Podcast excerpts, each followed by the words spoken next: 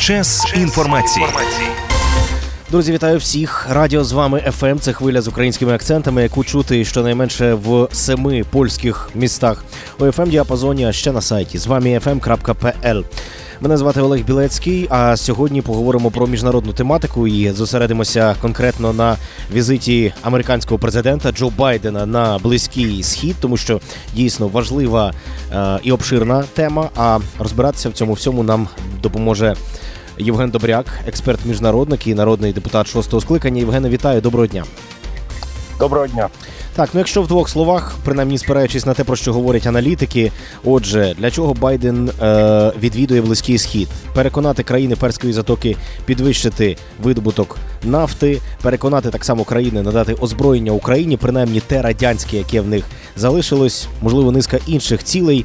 Е, ви для себе яким чином це все виокремлюєте? Що головне в цьому чотириденному візиті? Ну, е, перше. Це історичний візит, це треба підкреслити, тому що Байден їде на близький схід не просто щось просити, а він їде з конкретними пропозиціями для регіону. Це стосується і регіональних питань, і глобальних питань.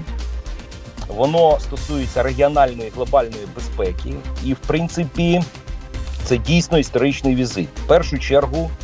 Е, він е, зараз відвідує Ізраїль, і для Ізраїля, як і для других арабських країн, загрозою номер один є Іран.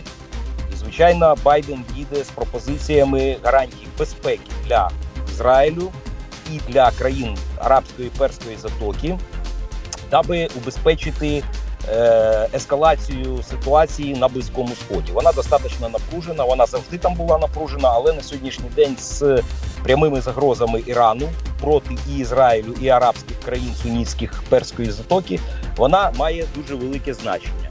Що в цих гарантіях є? В першу чергу це е, підтримка і все таки обговорення питання створення по плану Авраама, так званого системи колективної безпеки в регіоні близького середнього сходу, де буде присутній і Ізраїль, і арабські країни, і е, при патронаті Сполучених Штатів Америки. Це в першу чергу стосується е, систем протиповітряної і протиракетної оборони, яке убезпечить е, серйозні питання, які на сьогоднішній день є.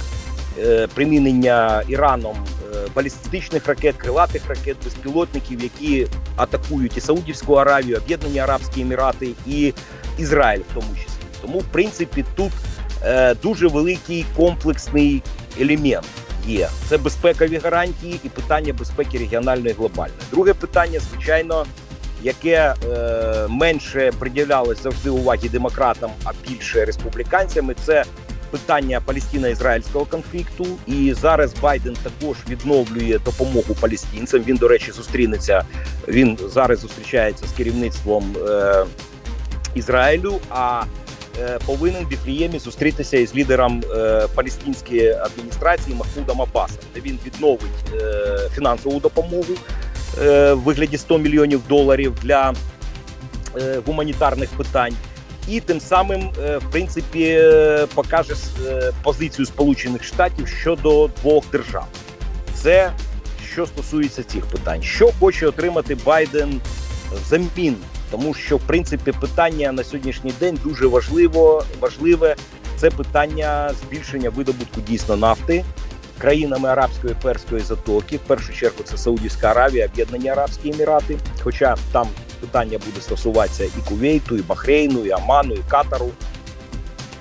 Е, Приблизно буде просити, щоб е, видобуток е, збільшити видобуток, видобуток десь приблизно до 5 мільйонів барелів, тому що це якраз от те, та кількість, яку треба замінити яка була у Російській Федерації, і завдяки агресії Росії проти України, оцей почався енергетичний почалася енергетична криза, дуже високі ціни на нафту і на нафтопродукти. Тому, в принципі, оце що потрібно, що хоче Байден отримати взамін, тому що така ситуація вже була в історії. Коли Саудівська Аравія двічі включала так звану нафтову зброю, це був 73-й рік коли король е, Саудівської Аравії Фейсал е, по результатам е, війни судного дня між Ізраїлем і арабськими країнами зняв з торгів повністю всіх біржових торгів е, саудівську нафту і тим самим спричинив масштабну енергетичну кризу в Японії, в Сполучених Штатах і в Європі. Другий раз це було 1986 рік, коли е, Саудівська Аравія домовилась, верніше, Сполучені Штати домовились з Саудівською Аравією про те, що вона е, збільшує видобуток нафти, і тим самим, обваливши ціни на нафту, вони в принципі зробили радянську нафту неконкурентно спроможною на ринку, і тим самим радянський союз розвалився через 5 років. Це була дуже серйозна акція. В якій брав участь тоді тодішній президент Рональд Рейган, король тодішньої Саудівської Аравії Фахід і директор ЦРУ Кейсі і посол Саудівської Аравії в Сполучених Штатах Принц Бандак. Тобто, оця конфігурація спрацювала, притом дуже ефективно Мгм. спрацювала. Ну тут І питання зараз та так- от насправді щодо того, е, чи спрацює подібна конфігурація в сучасній перспективі. Я пропоную про це поговорити в наступній годині. Е, зафіксуємо цю думку дійсно, тому що от, от головна така центральна, скажімо, оцінка цього візиту. Цей візит є історичним. Так принаймні вважає Євген Добряк, експерт міжнародник і народний депутат шостого скликання, з яким ми продовжимо розмову в наступній годині.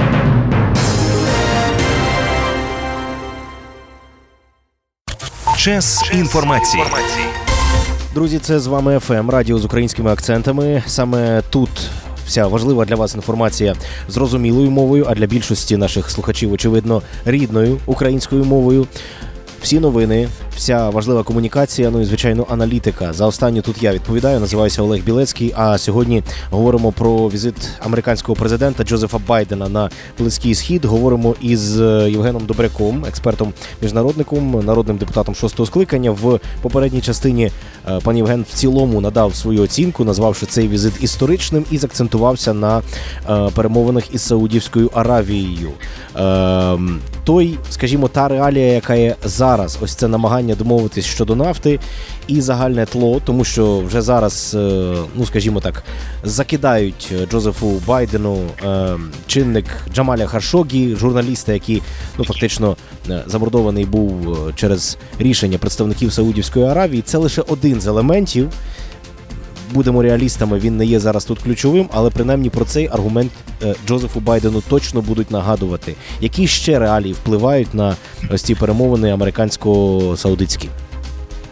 Ну, дивіться, тут от ви е, назвали цю причину, да, по яким сталося різке похолодження відношень да, між, між Сполученими Штатами і Саудівською Аравією. Хоча е, 80 років це були стратегічні відносини да, між Саудівською Аравією і Сполученими Штатами. Тому що фактично е, Сполучені Штати і Велика Британія вони інвестували величезний потенціал технологічний, фінансовий в розвиток нафтовидобувної галузі Саудівської Аравії. В першу чергу це створення найпотужнішої, найбагатшої, найбагатшої компанії в світі по видобутку нафти Сауді Арамка. Це була заслуга Сполучених Штатів. Ми повинні на це акцентувати увагу. І ці зав... ці відносини були стратегічні. Вони Ну, до речі, е, назва самої компанії в ній якраз і зашита ось ця от стратегія, скажімо, та бо там, якщо розшифрувати, якраз йдеться про е, взаємини американсько-саудитські Да. в самій назві Да, Арамко. Сауді, Сауді American Oil Company. Да. Тому, в принципі, в принципі, е, в цій ситуації. Е, е, і, до речі, Сполучені Штати в 76-му році, в 77-му, вони вийшли з контрольного пакету акцій цієї компанії, і фактично на сьогоднішній день 98% е, активів цієї компанії належать Саудівській, Саудівській державі. От, тобто Сполучені Штати виконали всі свої зобов'язання, які були в цьому сегменті. Да? Вони розвили цю нафтову галузь із-за того, що Саудівська Аравія стала найбільшим поставщиком вуглеводнів в світі. Це перше. Друге, е, Сполучені Штати Велика Британія завжди були партнерами Саудівської Аравії і інших країн Перської арабської затоки. Вони були партнерами в сфері безпеки. Найбільша кількість озброєння країн Перської арабської затоки це американські британські зразки, притом найсучасніші. І, до речі, найбільший контракт е, за всю історію торгівлі зброєю був укладений в 85-му році Маргарет Тетчер і королем Фахедом на 32 мільярда фунтів постачання британської зброї. Це все була одна система, один один е, такий фактор. Тому ці відносини завжди були стратегічні. Ми їх можемо назвати. Це головні партнери були в регіоні Близького Сходу. Це була Саудівська Аравія і партнери. Е, на заході це були Сполучені Штати і Велика Британія. Зараз ми теж чекаємо е, потепління цих відносин. Раз е, перехід їх в нову в новий якісний стан. Два, тобто, в принципі, на сьогоднішній день е, глобальні загрози, які сьогодні йдуть від Російської Федерації, від Ірану, від Китаю, розуміють і на близькому сході, да тому що і туди прилітають кожен день ракети в ту ж Саудівську Аравію, найбагатішу, да і в ті ж об'єднані Арабські Емірати. Тому, в принципі, Саудіти і інші країни перської затоки вони е, дуже зацікавлені в тому, щоб стабілізувати ці відносини. Та дійсно. У 18-му році була оця трагічна ситуація з е, гибелью журналіста Хашогі. Хоча ви розумієте, тут е, така е, вона складна ця ситуація. Ми повинні розуміти, що е, Саудівська Аравія це абсолютно теократична монархія, це лідер ісламського світу, е, мусульманського всього світу і арабського світу, в якій знаходяться дві святині е, ісламського світу, Мека і Медіна. Дійсно, там жорсткі правила, жорсткі, е, жорстка філософія відносин. Там в конституцією є Коран безпосередньо і підзаконні шаріатські акти, які на основі Корану. Ми це теж повинні розуміти, тому що там практично оця демократичний принцип якихось демократичних е, нюансів дуже дуже складний і. До речі, от е, е, спадковий принц, майбутній король Саудівської Аравії Мухаммед Бін Сальман, якого звинувачують безпосередньо да, в цій ситуації з Кашоді, він фактично почав реформу в Саудівській Аравії. Я це знаю. Я пам'ятаю Саудівську Аравію 2004-2005 року і пам'ятаю вже Саудівську Аравію 2016, 17, 18 років, да, коли дійсно і жінкам дозволено е, керувати автомобілем, дозволено відвідувати кінотеатри, публічні заходи і так далі. Це дуже великий поштовх був. Оцей скандальна ситуація з Хашогі, вона м, така контроверсійна. Чому я поясню? Тому це це ж треба розуміти. Сам Джамаль Хашогі це дуже така ем, адіозна фігура. Це не просто журналіст саудівський, це представник дуже серйозної сім'ї саудівської.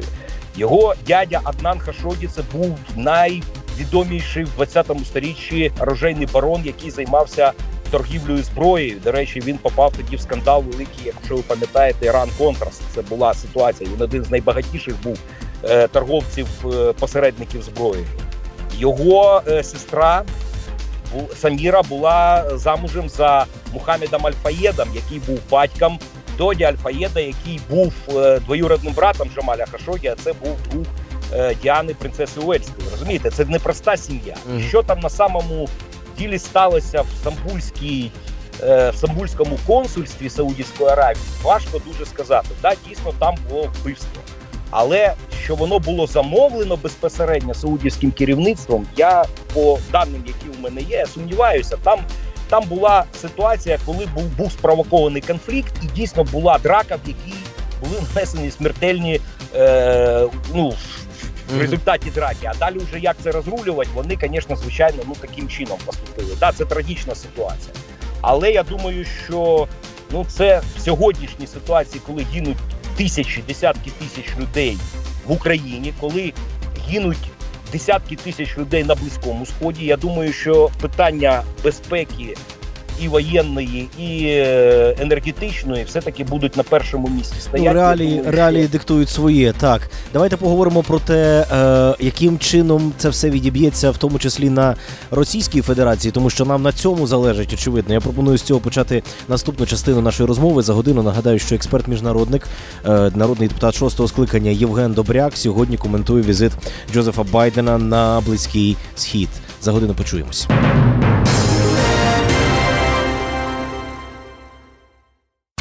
Час інформації. З вами FM, радіо з українськими акцентами, яке можна чути в щонайменше семи польських містах у fm діапазоні. Наприклад, у столиці у Варшаві на 106 FM, а повний перелік частот знайдете на нашому сайті. Е, друзі, я називаюся Олег Білецький. А сьогодні говоримо про візит американського лідера Джозефа Байдена на близький схід. Найперше до Ізраїлю, до Саудівської Аравії. Так само відбудеться ем, зустріч із представниками палестинської автономії, і все це звичайно на тлі війни в Україні. І от ми зупинилися в попередній частині, спілкуючись із Євгеном Добряком, експертом міжнародником, народним депутатом шостого скликання. Зупинилися якраз таки на тому. Ем, якою може бути реакція близькосхідних країн і головним е, чином Саудівської Аравії на пропозиції Сполучених Штатів Америки? А ці пропозиції стосуються енергоносіїв, стосуються нафти і напряму стосуються Російської Федерації. Ем, яким чином росіяни будуть, е, скажімо, трактувати для себе ось цей візит?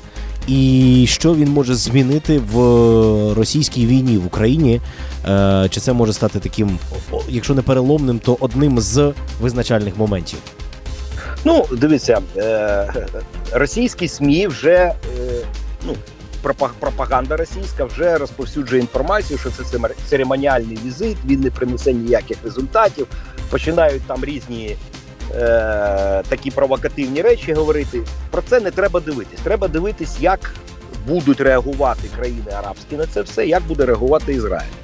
Що, якщо візит е, по цих параметрах, про які ми з вами говорили, вдасться, а я сподіваюся, що він е, буде продуктивним, тому що я прогнозував це з першого дня війни, що це єдиний фактор, який може зупинити війну і зупинити Російську Федерацію. Оцей фактор арабський він дійсно може зробити перелом всіх всіх ситуаціях. Тому що якщо оця удавка енергетична на шиї Росії затягнеться, і їх нафта не буде конкурентно спроможною на світових ринках, а це станеться при таких умовах, то фактично головний е, е, головні поста- постачання грошей в бюджет Російської Федерації припиняться.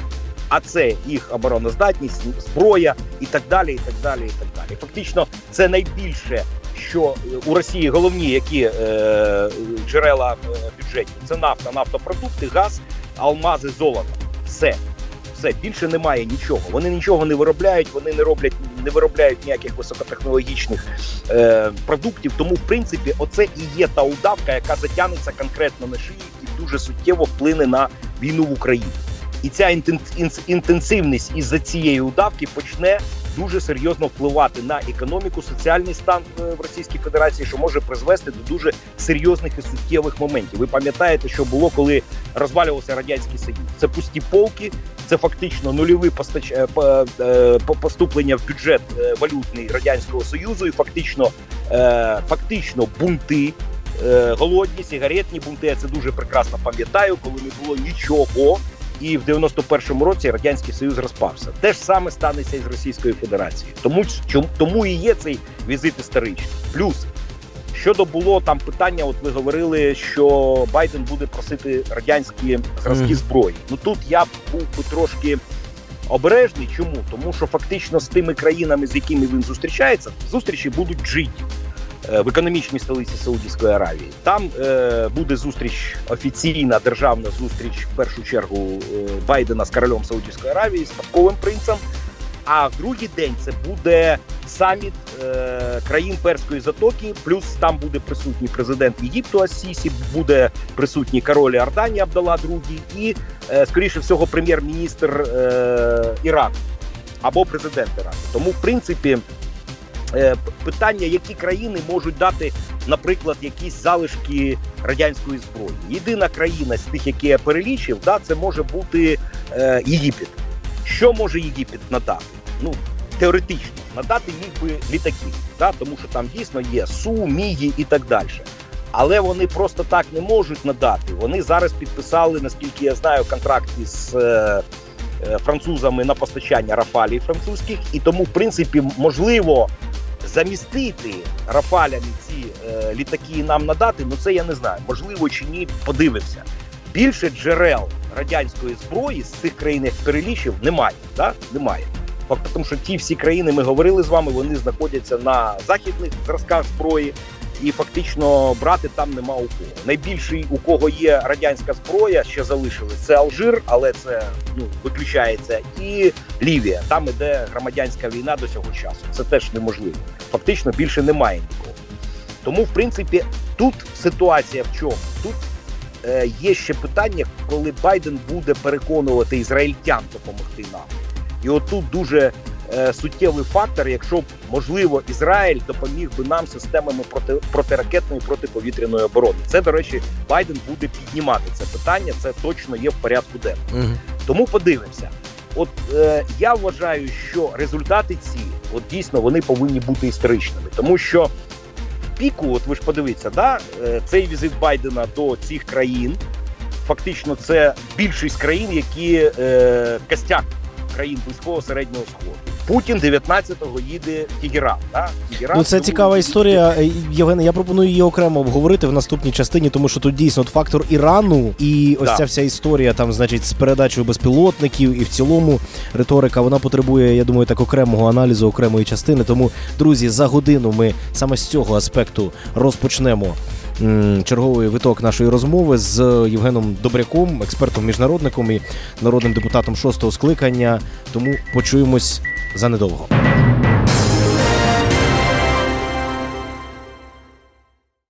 Час інформації. Про візит американського лідера до країн близького сходу говоримо на радіостанції з українськими акцентами. Це з вами ФМ. Нас можна чути щонайменше в семи польських містах у fm діапазоні. Наприклад, у місті Щечин знайдете нас на 101 FM, повний перелік частот на нашому сайті з вами fm.pl. А сьогодні разом із Євгеном е, Добряком, експертом міжнародником і народним депутатом шостого скликання, якраз таки обговорюємо наслідки ось цього візиту, який відбувається. Ем, Пообіцяли вже аудиторії окремим таким блоком е, відвести фактор іранський е, позиціонування Тегерану на тлі ось цього візиту. Ну і звичайно на тлі російсько-української е, війни. Кілька днів тому буквально розгорталася така скандальна історія з нібито передачею Росією Росії безпілотників з боку Ірана. І, ну скажімо так, фактор, е, фактор Тегерана цій війні. Чи він змінюється внаслідок е, е, візиту Джозефа Байдена на Близький Схід? Ну, е, дивіться, щодо безпілотників, да, от окремо я хочу декілька слів сказати. Те, що там е, був запрос Російської Федерації в закритому режимі з проханням до Ірану надати ці безпілотники, а у них дійсно є безпілотники, і розвідувальні, ударні, і дрони камікадзе, у них є все дійсно їхнього виробництва і достатньо непогані. Про це говорить, до речі, Ізраїль. Про це говорять саудіти, про це говорять Об'єднані Арабські Емірати, бо вони стикалися з ними безпосередньо в зоні бойових дій. Біля Ізраїлю це Сірія, а Саудівська Аравія, Об'єднані Арабські Емірати це Ємен. Вони дійсно їх бачили, е, е, як кажуть, безпосередньо на полі бою. Тому дійсно Росія звернулася до них. Але ми прекрасно розуміємо, що американська західна розвідка вона дуже суттєво серйозно працює, і вони моментально цей запрос виявили і моментально зрозуміли, що є е, загроза, що дійсно Іран може в закритому режимі пос- поставити ці безпілотники Росії. І тому е, Джек Саліван, він як на упередження, це було узгоджена ситуація. Він видав цю розвідувальну інформацію публічно як попередження і Ірану і Росії. Що ця зділка може не статися, тому що будуть такі-то, такі-то фактори. Ну тобто я маю на увазі перевожу його заяву на такий більш зрозумі, зрозумілу мову. Да, це і санкції по- по- по- повторні подвійні для Ірану, і е, невідома яка логістична цепочка, що ці безпілотники можуть і не дойти до е, точки призначення. Розумієте, в чому справа? Тому моментальна була реакція. Ви знаєте, міду Ірану, що ніхто нікому нічого постачати не буде, і тепер дуже важко, тому що вони прекрасно розуміють, що все моніториться в онлайн режимі, і люба передача е, безпілотника в Росії буде зафіксована. Це будуть наслідки. Щодо взагалі про що може що може взагалі обіцяти Путін е, Ірану? Нічого.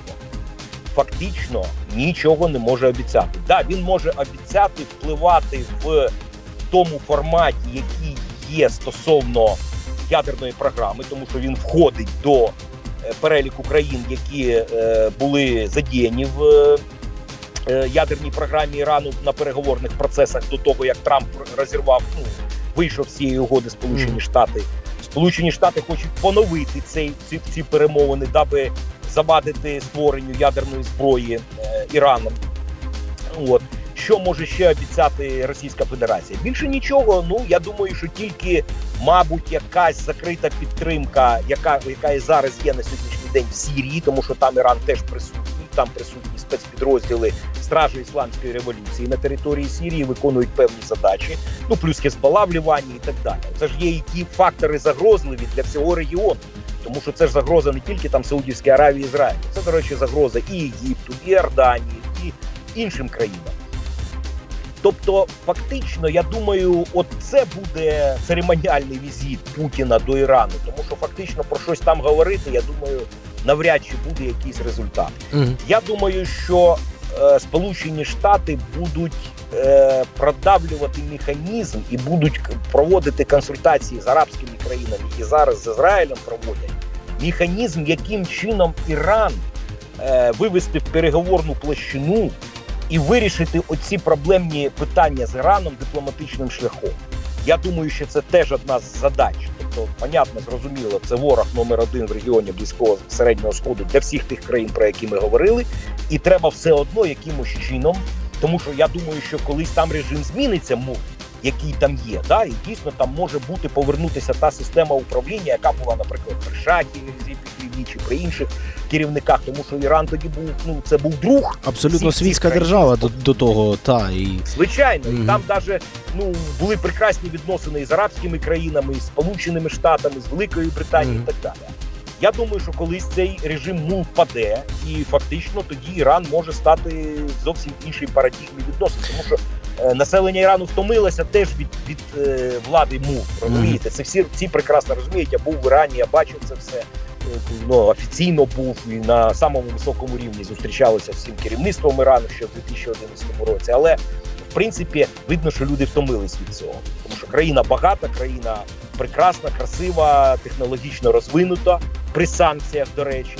Але оця влада вона поставила, бачите, от такі в такі умови Іран, іранський народ. ну непроста насправді конфігурація, ту про яку ви зараз говорите, враховуючи і, скажімо, такі м, віковічні, е, віковічну ненависть, несприйняття і в цілому всього американського, і звичайно, ось ця вся історія там з сіоністами з Ізраїлем. Це все теж очевидно буде Так. накладатися в перспективі, і про це я думаю, можна окремо буде говорити. Тому обов'язково зробимо ще й таку розмову тут на радіо з вами ФМ. Е, зараз пильно стежимо, друзі, насправді за е, наслідками візиту Джозефа Байдена на близький схід. За оцінкою нашого сьогоднішнього співрозмовника, це є візит історичний. Я нагадаю, розмовляли ми сьогодні упродовж найближчих кількох годин з Євгеном Добряком, експертом міжнародником і народним депутатом шостого скликання. Пане Євгене, вам вдячний за такий ретельний аналіз і до зустрічі на хвилі з українськими акцентами. Дякую вам.